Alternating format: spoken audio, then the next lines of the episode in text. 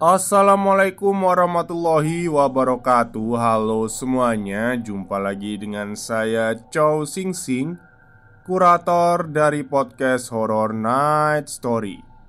Halo apa kabar semuanya? Semoga kalian semua sehat-sehat ya Dan seperti biasanya Pada hari ini saya kembali dan akan membacakan sebuah kisah mistis untuk kalian semua Kisah mistis kali ini saya datangkan dari treat horornya berbagi cerita Yang menceritakan cerita horor berjudul Anak Hilang.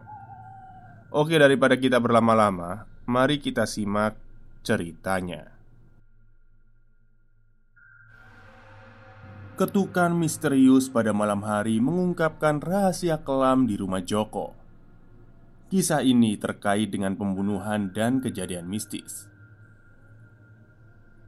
Joko terbangun dari mimpi buruknya. Dia merasa ada sesuatu yang tidak beres di kamarnya. Suara ketukan samar menggema di telinganya, seolah memanggil-manggil namanya. Dia mengusap matanya dan mencoba mencari sumber suara itu.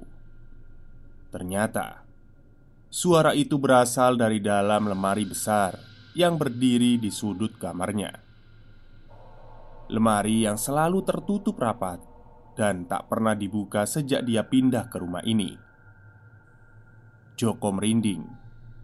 Dia ingat cerita tetangganya tentang rumah ini. Katanya, rumah ini pernah menjadi tempat pembunuhan sadis seorang wanita muda yang diculik oleh seorang psikopat. Mayat wanita itu ditemukan di dalam lemari besar di kamar ini dengan luka-luka menganga di tubuhnya.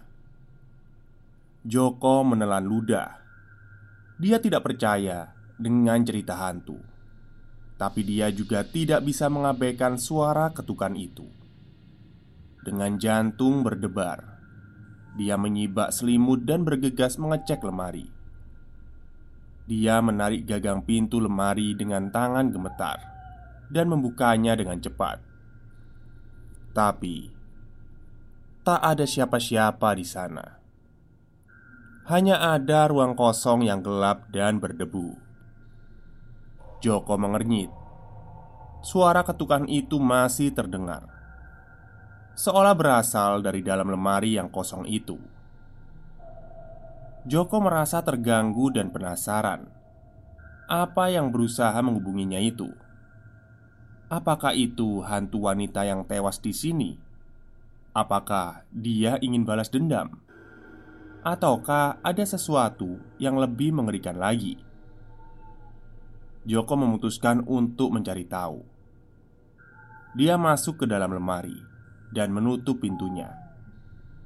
Joko tidak tahu apa yang terjadi di dalam lemari itu. Dia hanya ingat ada cahaya putih yang menyilaukan dan kemudian dia terjatuh di lantai kamarnya. Dia merasa pusing dan lemas, seolah-olah dia baru saja bermimpi. Tapi ketika dia melihat jam di dinding, dia terkejut. Sudah dua jam berlalu sejak dia masuk ke dalam lemari.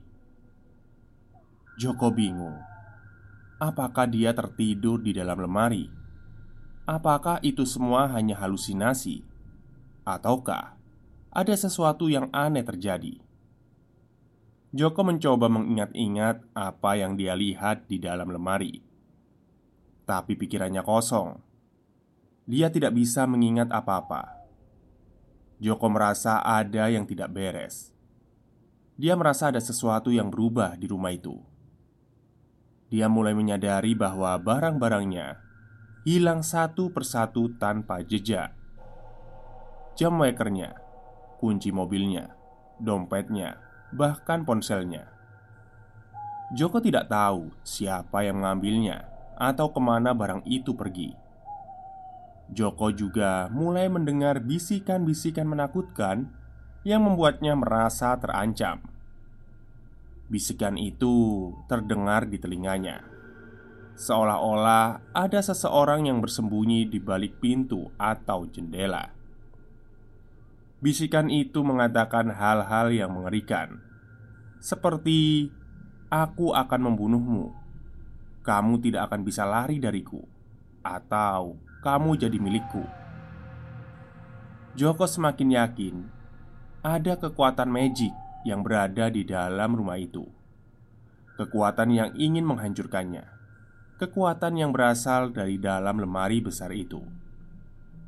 Joko mulai merasa takut untuk sendirian di rumah dan mencari tahu lebih banyak tentang apa yang terjadi. Dia mencoba bertanya kepada tetangganya, tapi mereka tidak mau membantunya. Mereka malah menghindari, seolah-olah dia sudah gila. Joko merasa putus asa. Dia tidak tahu harus berbuat apa. Dia hanya ingin hidup normal lagi tanpa gangguan dari kekuatan misterius itu. Tapi sepertinya itu tidak mungkin terjadi. Joko tidak tahu harus ke mana. Dia merasa tidak aman di rumahnya, tapi juga tidak punya tempat lain untuk pergi. Dia merasa terjebak oleh kekuatan jahat yang menghantui rumah itu. Kekuatan yang semakin hari semakin kuat dan ganas. Joko mulai menyelidiki lebih lanjut dan mengetahui rahasia kelam yang terkubur di bawah rumahnya selama ini. Dia menemukan sebuah pintu rahasia di bawah karpet di ruang tamu. Pintu itu mengarah ke sebuah ruang bawah tanah yang gelap dan lembab. Di sana dia menemukan barang-barangnya yang hilang, berserakan di lantai. Tapi itu bukanlah hal yang paling mengejutkan. Di tengah ruang bawah tanah, ada sebuah meja kayu yang berlumuran darah. Di atas meja itu ada sebuah pisau besar yang berkarat, dan di samping meja itu ada sebuah foto yang sudah pudar. Foto itu menunjukkan seorang wanita muda yang tersenyum, memeluk seorang anak kecil yang mirip dengannya. Joko terkejut. Dia mengenali wanita itu. Dia adalah wanita yang dibunuh oleh psikopat yang ada di lemari besar itu. Tapi siapa anak kecil itu? Apakah dia anaknya? Apakah dia juga dibunuh? Joko merasa ada sesuatu yang tidak beres dengan foto itu. Joko mencoba mencari tahu lebih banyak tentang foto itu. Dia membawa foto itu ke tetangganya yang paling tua, Pak Hasan. Pak Hasan adalah satu-satunya orang yang mau berbicara dengannya. Dia mengatakan bahwa dia tahu sesuatu tentang rahasia rumah itu. Pak Hasan menceritakan bahwa dulu telah terjadi pembunuhan kejam yang melibatkan seorang anak kecil. Anak kecil itu adalah anak angkat wanita muda itu.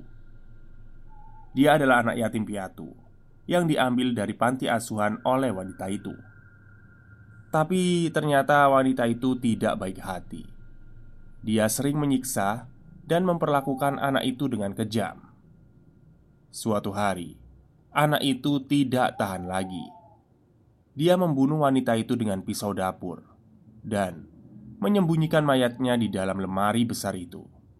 Lalu dia kabur dari rumah itu, meninggalkan jejak darah di mana-mana. Pak Hasan mengatakan bahwa polisi tidak pernah menemukan anak itu. Mereka hanya menemukan mayat wanita dan pisau pembunuhnya di ruang bawah tanah. Mereka mengira bahwa psikopat yang membunuh wanita itu juga membawa anak itu sebagai sandera. Joko merasa semakin terancam oleh cerita itu. Apakah anak itu masih hidup? Apakah dia kembali ke rumah ini untuk balas dendam? Apakah dia sumber dari ketukan dan bisikan menakutkan itu? Malam itu, Joko sekali lagi mendengar bunyi ketukan dari lemari. Kali ini dia tidak merasa takut lagi. Dia merasa marah dan muak dengan semua kejadian yang menimpanya. Dia memutuskan untuk menghadapi makhluk misterius itu, apa pun yang ada di balik itu semua. Joko mengambil pisau besar yang ia temukan di ruang bawah tanah. Dia berjalan menuju lemari dengan langkah mantap. Dia tidak peduli dengan resiko yang mungkin terjadi. Dia hanya ingin mengakhiri ini semua. Joko membuka pintu lemari dengan keras. Dia siap untuk menusuk apa pun yang ada di dalamnya. Akan tetapi, dia terkejut dengan apa yang ia lihat. Di dalam lemari ada seorang anak kecil yang menatapnya dengan mata nanar. Anak kecil itu adalah anak angkat wanita muda yang dibunuhnya. Anak kecil itu adalah anak yatim piatu yang disiksa oleh wanita itu. Anak kecil itu adalah anak yang hilang selama ini. Anak kecil itu tersenyum lemah pada Joko. Dia berkata dengan suara lirih, "Akhirnya kamu datang juga, Ayah." Joko terbelalak. Dia tidak percaya dengan apa yang ia dengar. "Ayah, apa maksudnya?" Anak kecil itu melanjutkan, "Aku sudah menunggumu selama ini, Ayah. Aku sudah merindukanmu. Aku sudah memaafkanmu." Joko bingung. Memaafkan untuk apa? Anak kecil itu menjelaskan, "Aku tahu kamu tidak sengaja membunuh ibu, Ayah. Aku tahu kamu hanya ingin melindungiku dari siksaannya." Aku tahu kamu mencintaiku. Joko terguncang. Dia mulai menyadari sesuatu yang mengerikan, sesuatu yang ia lupakan selama ini. Anak itu adalah anaknya sendiri, dan Joko adalah psikopat yang membunuh wanita muda itu. Joko adalah orang yang menyembunyikan mayat wanita itu di dalam lemari. Joko adalah orang yang kabur dari rumah itu bersama anaknya. Joko adalah orang yang mengalami amnesia karena trauma, dan Joko adalah orang yang kembali ke rumah itu tanpa sadar. Joko adalah orang yang menjadi korban dari kutukan rumah itu. Anak kecil itu mengulurkan tangannya kepada Joko. Dia berkata dengan suara haru, "Ayo kita pergi bersama, Ayah. Aku sudah menyiapkan tempat untuk kita berdua." Joko menatap anaknya dengan mata berkaca-kaca. Dia merasa bersalah dan sedih. Dia merasa cinta dan kasih sayang. Joko akhirnya menaruh pisau di lantai. Dia memeluk anaknya itu erat-erat. Dia berkata dengan suara tercekat, "Maafkan aku, Nak." Anak kecil itu membalas pelukannya. Dia berkata dengan suara bahagia, Iya, ayah. Lalu mereka berdua masuk ke dalam lemari. Pintu lemari tertutup rapat. Ketukan dari dalam lemari berhenti, dan suara bisikan hilang. Rumah menjadi sunyi dan tamat. Oke,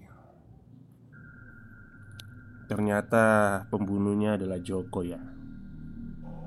Jadi, eh ini cerita fiksi ya, pastilah.